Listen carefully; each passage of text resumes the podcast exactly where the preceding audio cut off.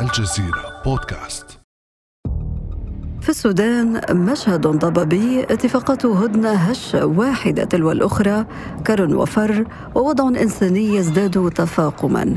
بعد دخول المواجهة العسكرية بين قيادة الجيش السوداني وقوات الدعم السريع أسبوعها الثالث. أما مصير الحرب فلا يحسمه بالضرورة المتحاربون في ظل الارتباطات الإقليمية والدولية لطرفي النزاع وتزايد الضغوط الخارجية فمن أين سيأتي الحل للأزمة السودانية؟ وما هي الحلول الممكنة؟ وأي مستقبل للتسوية السياسية بعد الحرب؟ بعد أمس من الجزيرة بودكاست أنا أمال العريسي ينضم إلينا هنا في الأستوديو الدكتور صلاح الدين الزين الخبير في الشأن السوداني. أهلا وسهلا بك دكتور صلاح. أهلا وسهلا وشكرا جزيلا أستاذ أمل على الاستضافة. سعيد أن أكون معك المرة الثانية. ونحن أسعد. دكتور صلاح كيف يبدو المشهد العسكري والسياسي والإنساني اليوم في السودان؟ أه سؤالك حول الموقف بعد مرور هذه الفترة. طبعا الصراع عندنا للأسف أه خلف أه آثار إنسانية كبيرة هنالك أرواح أه يعني أه, آه، ذهبت نتيجة لهذا الصراع هنالك جرحى هنالك معاناة إنسانية كبيرة في بعض المناطق لا سيما العاصمة التي تدور معظم الاشتباكات حاليا فيها وهنالك أيضا دمار آه، طالت البنية الأساسية للدولة. آه، العمليات العسكرية مستمرة والمجتمع الدولي بدأ يتحرك ويضغط والمجتمع الإقليمي كذلك فضلا عن أن هنالك أيضا تحركات سياسية في الداخل. فمجمل المشهد يعني أنا لست خبيرا عسكريا ولكن من متابعة تحليلات العسكريين يبدو أن المواجهة التي كانت مواجهة عسكرية آه، بين الجيش الرسمي للبلاد وقوات الدعم السريع في أيامها الأولى الآن تتجه لأن تتحول إلى مشكلة أمنية، بمعنى أن الخطر العسكري في طريقه لأن يزول، طبعا لم يزل بعد ولكن آه، لأن الجيش رسميا أعلن أنه استطاع أن يقضي على أكثر من 50% من قوة الدعم السريع، طبعا فضلا عن ضرب مقاره الرسمية وقدراته للسيطرة وأيضا خطوط الإمداد وبالتالي آه، تدريجيا ينتقل الوضع إلى أن قوات الدعم السريع المنتشرة في الأحياء ستشكل هاجسا أمنيا أكثر منه مهدد عسكري. أما من الناحية السياسية آه، طبعا الإعلام ينقل لنا المبادرات التي تأتي من مختلف الأطراف الدولية والإقليمية ولكن أيضا لا يجب أن ننسى أن هنالك حراكا في داخل السودان في آه، أولا في آه، التفاف من قطاعات واسعة من الشعب السوداني حول الجيش السوداني. بتعرف أنه الدول عندما تواجه مثل هذه المواقف المصيرية. يميل الناس لأنه يلتفوا حول مؤسساتهم العسكرية التي تضمن آه، بقاء الدولة وكيان الدولة. لكن هنالك أيضا يعني آه، مبادرات ومساعي للهدف منه الوصول إلى آه، حل لهذه القضية. لننطلق من نقطة الشعب السوداني. أنت تحدثت عن حالة التفاف حول المؤسسة العسكرية. هل هذا يشمل كل مكونات الشعب السوداني؟ فيما يتعلق بموقف الغالبية الشعب السوداني. نعم أنا لا, لا أستطيع أن أقول أن كل الشعب السوداني آه، لكن غالبية واسعة وحتى القوى التي كانت لديها مواقف حادة تجاه الجيش لأن أدركت أن الصراع في هذه القضية هو صراع آه، مصيري يتعلق بوجود كيان الدولة السودانية والكل يتساءل هل بإمكاننا أن نرضى بأن يبقى السودان فيه قوتين مسلحتين آه، ليست تحت إمرة واحدة هذه إشكالية تتعلق بوجود الدولة السودانية أو هل ممكن نقبل بدولة ينتصر فيها تنتصر فيها قوات الدعم السريع وتصبح هي المهيمنة؟ وبالتالي الإجابة على هذا السؤال قد قطاعات واسعة جدا من الشارع السوداني أن يقوم مع الموقف الجيش السوداني رغم أنه البعض ينتقد يقول ولكن الجيش قابل للإصلاح ولكن إذا رضينا بوجود آه، قوتين. النقطة الثانية في هذا الموضوع يتصل أيضا آه، في شرائح آه، الآن تبدي موقفا رماديا. يعني هي ليست مع الجيش تقول وليست مع قوات الدعم السري ولا ترى جدوى من هذه الحرب وتظن أن الجنرالين البرهان وحميتي هما سبب الأزمة السياسية وهما المشكلة. طبعا هذا يستند إلى تحليل أن الصراع هو فقط بين حميتي والبرهان بمعنى الفاعلين السياسيين وليست التناقضات في بنية المؤسسة العسكرية بوجود قوتين مسلحتين داخل البلاد.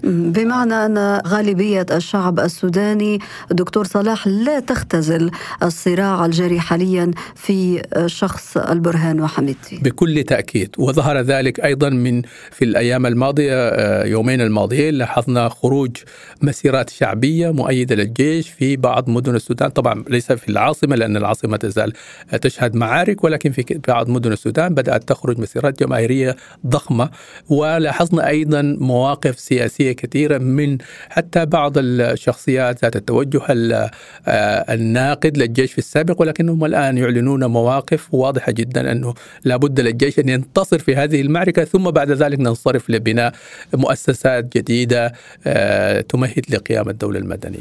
إذا هناك إجماع بين التيارات السياسية في السودان رغم الاختلافات على ضرورة وقف القتال وتجنيب البلاد مخاطر الدخول في فوضى والانزلاق إلى حرب أهلية. بكل تأكيد يعني لا أحد يرغب ولا يريد أن استمرار الحرب.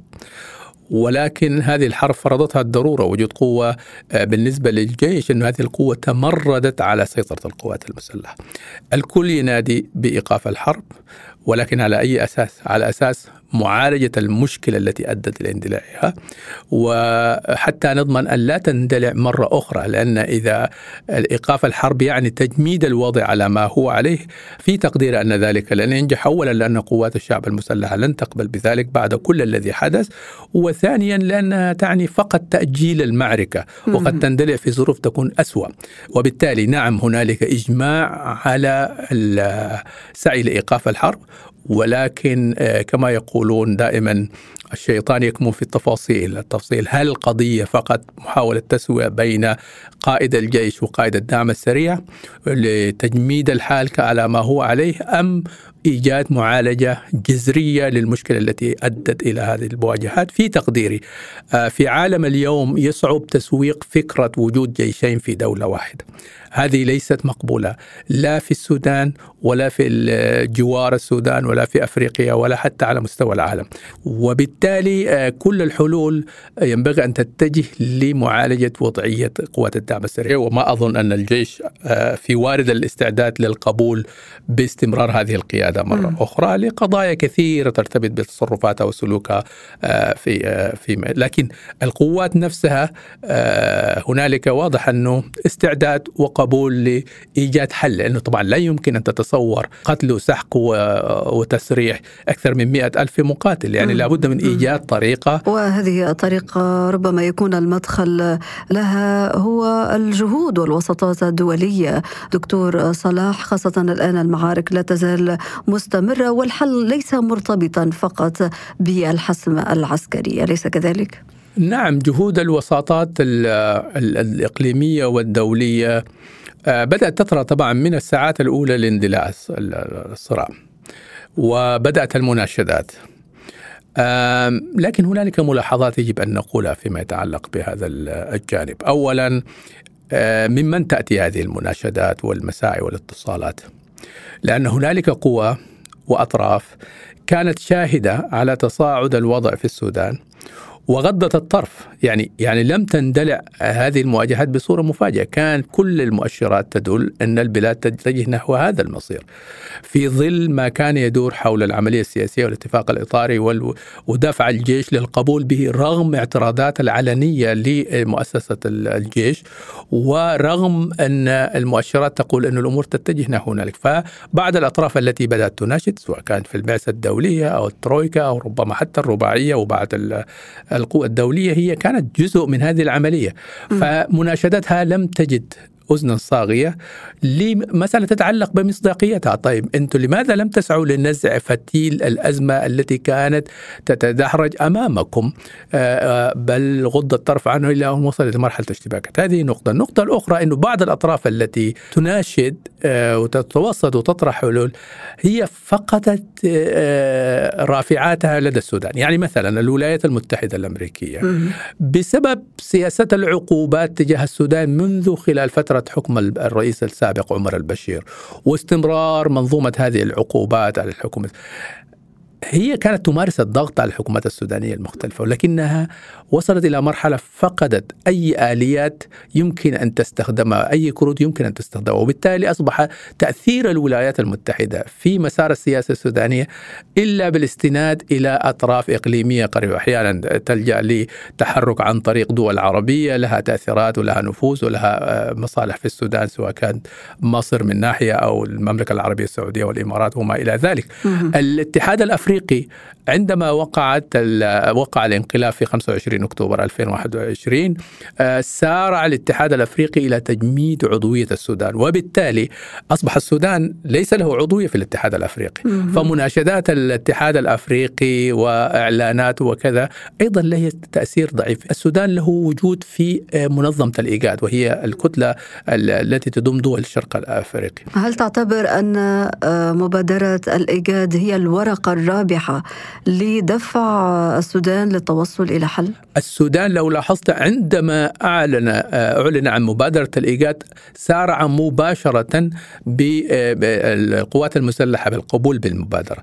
أما آه، آه، قيادة قوات الدعم السريع ترددت جدا في القبول والسبب في ذلك اولا قوات الدعم السريع تراهن في هذه المبادرات على القوى الغربية باعتبار أن ارتبط مشروعها السياسي مع المشروع المدعوم غربيا وثانيا بحكم أن السودان عضو في منظمة الإيجاد وأن منظمة الإيجاد مهما يكن لن تقبل بوجود جيشين. يعني منطلق أي مفاوضات ستتجه نحو آه، حسم قضية وجود جيشين في الدولة. لذلك ترددت قوات الدعم السري فرغم أنه حظوظ هذه المبادرة تبدو آه، كبيرة إلا أن يعني قوات الدعم السريع وقيادة قوات الدعم السريع لم ترحب به بشكل كبير وانتظرت إلى أن دخلت الولايات المتحدة والمملكة العربية السعودية على الخط وقابلت. ولكن طبعا الاتجاه العام في مثلا اجتماعات مجلس الأمن في المناشدات الدولية الاتحاد الأفريقي كلها تقريبا نحد نحو أنه آه، الحل يجب أن يكون بدون تدخل أطراف خارجية ويجب أن يظل في البيت الأفريقي سواء كان ذلك على مستوى الإيجاد أو على مستوى الاتحاد الأفريقي وهذا يوفر زخما. لإيجاد آه، طبعا آه، أحيانا الدول الكبرى تحاول تفرض نفوذها. يعني رغم الحديث عن الحلول الأفريقية للمشاكل الأفريقية إلا أننا نجد أن الولايات المتحدة تسارع بإعلان آه، تصريحاتها ومواقفها ومقترحاتها ونداءاتها كل يوم في الصباح وفي الظهر وفي المساء. تحاول أن تفرض وجودا ما في مسار القضية السودانية. وهذا بسبب عدم فاعلية الدور العربي العربي لا شك دكتور صلاح. طبعا الدور العربي شبه غائب بطريقة آه، يعني آه، مثيرة للقلق. يعني أزمة مثل هذه اندلاع حرب بين آه، قوتين مسلحتين داخل السودان تشمل كل المدن السودانية. والمؤسسة المؤسسات العربية غائبة تماما لا على المستوى الدبلوماسي ولا حتى على المستوى الإنساني. يعني أنت الآن إذا قلنا هنالك العجز السياسي والدبلوماسي ماذا عن المستوى الإنساني حتى؟ يعني في في ناس تعرضوا لظروف سيئة جدا بعض المساعدات بدأت تتدفق من الصليب الأحمر مثلا ولكن الدول العربية تكاد تغيب تماما.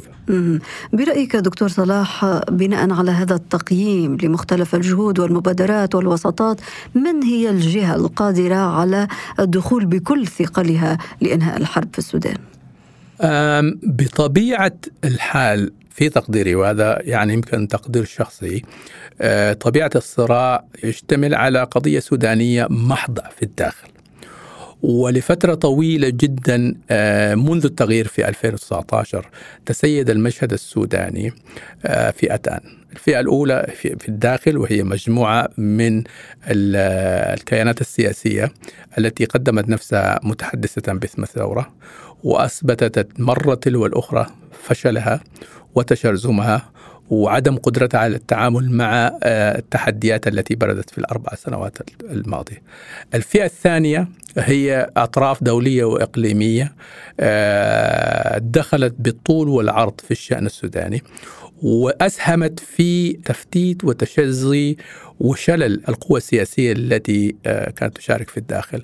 طبعا هنالك قطاع واسع من السودانيين. السودان بلد مثلما هو غني بموارده الطبيعية وثرواته الزراعية وموقعه الاستراتيجي هو أيضا غني بموارده البشرية.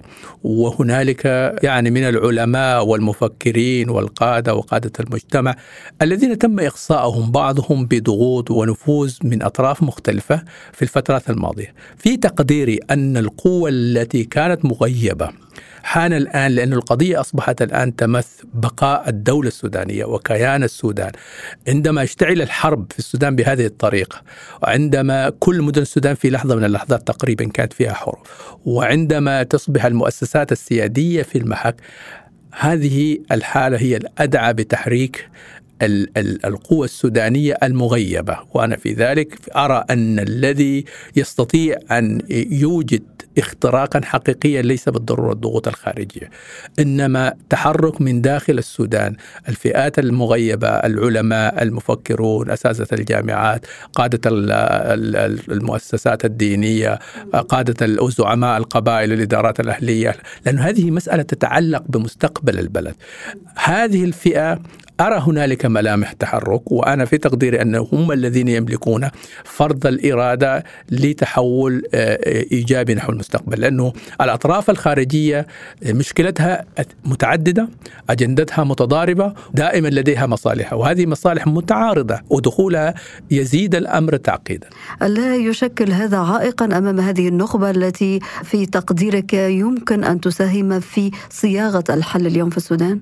هو يمكن أن يشكل عائقا لبعض الوقت ولكن إذا عادت الإرادة الوطنية الصادقة بين أطراف السياسية بمختلف توجهاتهم من اليمين إلى اليسار القوميين والإسلاميين والعلمانيين واليساريين والقوة التقليدية إذا تركز همهم على قضية واحدة إنقاذ الوطن والعمل يدا واحدة يستطيعوا أيضا أن يتعاملوا مع أي تشويش يأتي من الخارج. المشكلة أنه إذا انسحبت هذه الكتلة الخارج لن يستطيع أن يوفر حلا مستداما للقضية السودانية مهما مارس من ضغوط بسبب التناقضات التي آه، تحملها المشاريع القادمة من الخارج يعني أنت تعتقد دكتور صلاح أن حل الأزمة في السودان اليوم يجب أن يأتي من الداخل رغم كل هذه الارتباطات والامتدادات الخارجية لطرفي النزاع؟ بكل تأكيد بكل تأكيد إذا لم تستطيع القوة الداخلية أن تنسى خلافاتها الصغائر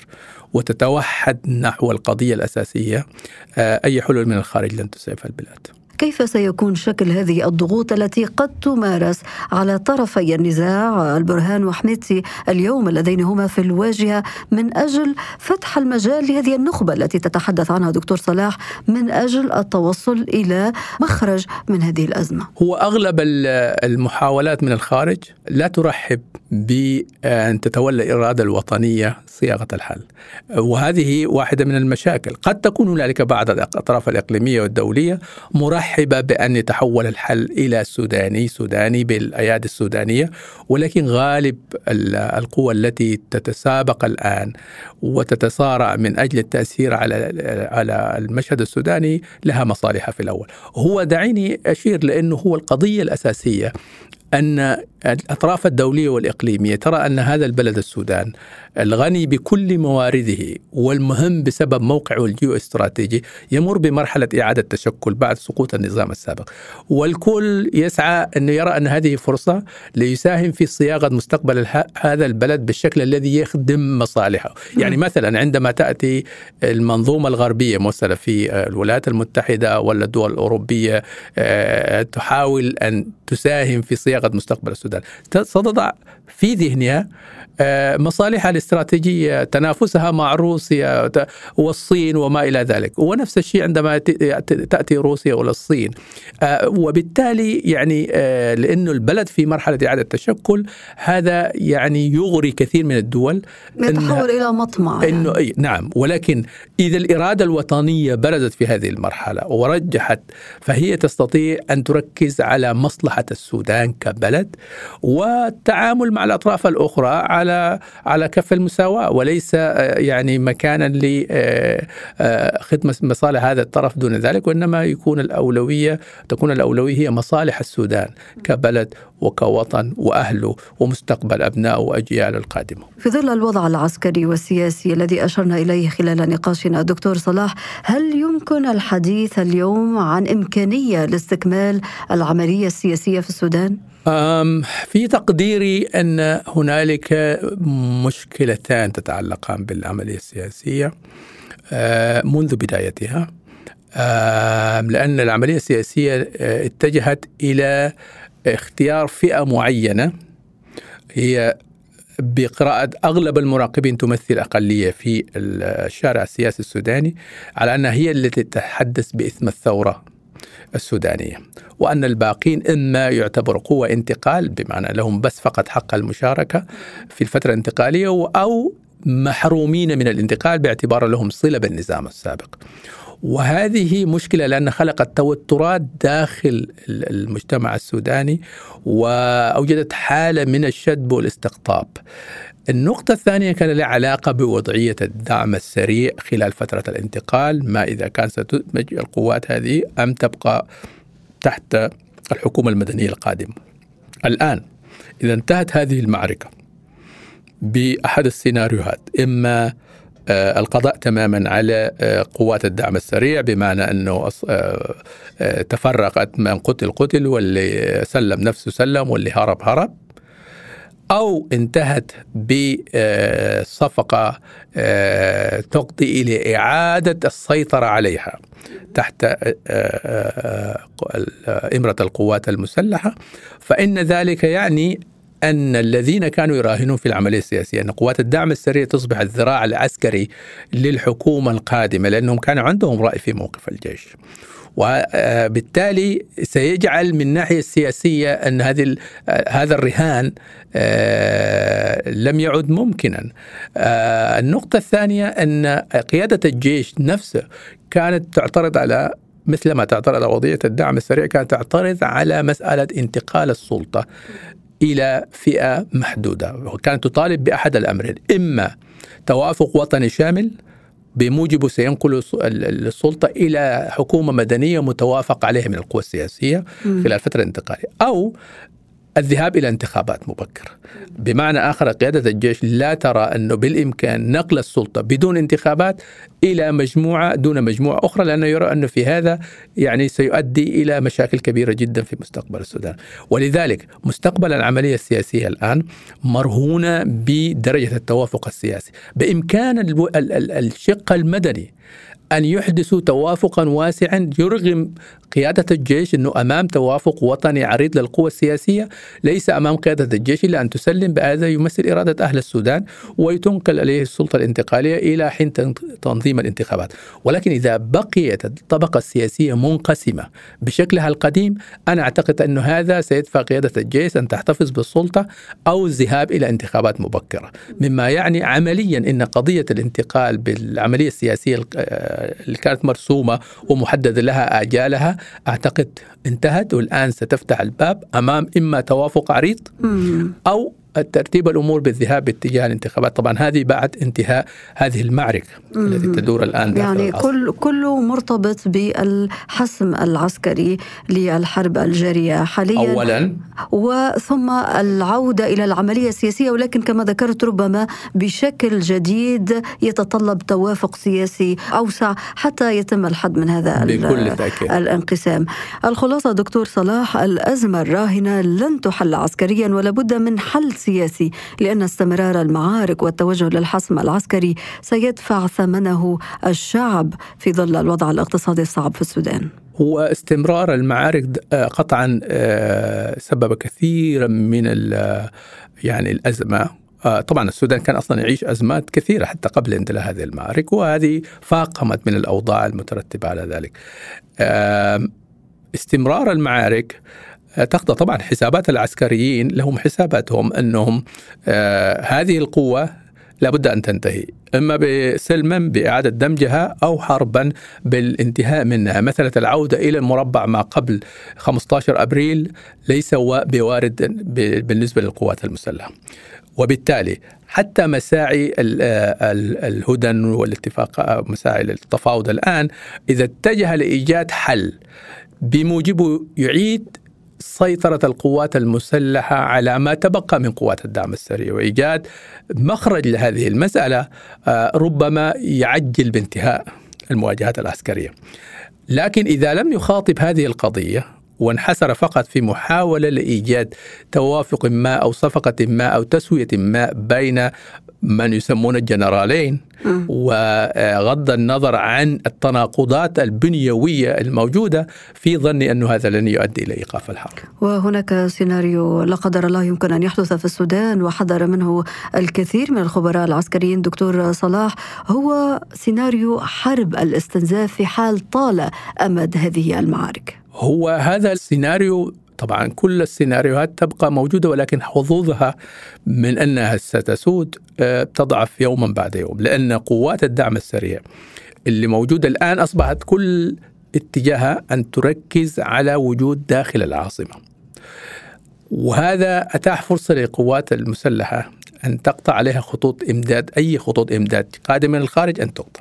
وداخل العاصمة آه، تم القضاء على معسكراته الآن موجودة في مناطق حساسة مثل القصر الجمهوري جزء من المطار وفي منطقة القيادة العامة ليس داخل القيادة العامة ولكن منتشرة بعد ذلك في الأحياء. وهذا الذي جعلني في بداية اللقاء نقول أن هذه المواجهة في طريقة أن تتحول من مواجهة عسكرية بمعنى قوتين عسكريتين إلى مواجهة شبه أمنية بالدرجة الكبيرة لأنه انتشار هذه القوات في الأحياء آه، يحد من قدرة القوات المسلحة على استخدام التفوق العسكري عندها سواء كان بالطائرات الدبابات الدبابات أو الاسلحه الثقيلة لأن لا تص...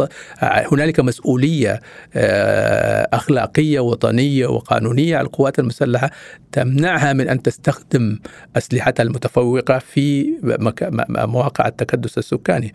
وهؤلاء المنتشرون أصبحوا يتحولوا إلى عصابات، أصبحوا يدخلوا بيوت الناس، أصبحوا يهاجموا المحال التجارية، أصبحوا يعني يمارسون عملا فيه كثير جدا من الاعتداء على المدنيين، فستتحول إلى مشكلة أمنية، وقد تؤدي إلى مشاكل أمنية في مواقع أخرى في السودان، لا قدر الله. هنا الآن نحن باذا ليس يعني لأنه آه، آه، الجنرال حميدتي وقوات الدعم السريع ليس لهم مشروع سياسي بحيث إنه يعني سيتحولوا إلى قوة معارضة للدولة وتحارب مثل ما كانت تحارب الحركات المسلحة، هو كان أصلا أداة من أدوات الدولة وخلق منظومة من الولاء الزبائني خلينا نقول، كثير جدا من الناس والمجتمعات التي كانت تقف معه باعتباره إنه طرف قوي في السلطة، لكنه الآن أصبح عدوا للسلطة، أصبحت هذه الأطراف تخلي طرفا منها، فإذا بق غدا خرج من العاصمة. إلى أين سيتجه؟ إلى دارفور. دارفور من أكثر المواقع اللي قد يجد فيها حميدتي عداء شديدا لأنه أيضا استخدمه حتى من النظام السابق في ضرب كثير من الخصوم السياسيين في في تلك المنطقة. ولذلك آه فقدان الحاضنة الشعبية فقدت الحاضنة الشعبية وحتى كثير من القبائل اللي لها علاقة به أصبحت تتبرأ وتناشد أبناء أنهم إحنا ليس لدينا مصلحة في البقاء مع آه آل دقلو لأنه طبعا هاي قوات الدعم السريع القيادة فيها لمين؟ آه محمد حمدان دقلو نائبه أخوه عبد الرحيم دقلو وهنالك بقية عشيرته كله في المواقع العليا لهذه فأصبح كأنها قوة تحت إمرة أسرة معينة. لا تحمل مشروعا سياسيا وحتى على المستوى الإقليمي. من هم حلفائه؟ حفتر في ليبيا. دون ذلك من هو حلف؟ هنالك تقارير كثيرة تتحدث عن دعم الإمارات لهذا لكن الإمارات جغرافيا إلا عن طريق حفتر وليس له هل فكرة وجود جيشين آه، أو قوة آه، خلينا نقول آه، مسلحة أخرى في بلد مثل السودان مقبولة في المحيط الإقليمي أو الدولي ما أعتقد أنه يعني هنالك حلفاء إقليميين سيقفون معه وهذا قد يعجل الحل في السودان. بكل تأكيد نتمنى أنه الحل يأتي قريبا وتقف هذه سيل الدماء والتدمير والحرب ويعود للناس الأمان والطمأنينة ويتحرك السودان نحو الأمام إن شاء الله. نرجو ذلك. الدكتور صلاح الدين الزين الخبير في الشأن السوداني شكرا جزيلا لك على كل هذه التوضيحات. شكرا جزيلا. كان هذا بعد أمس.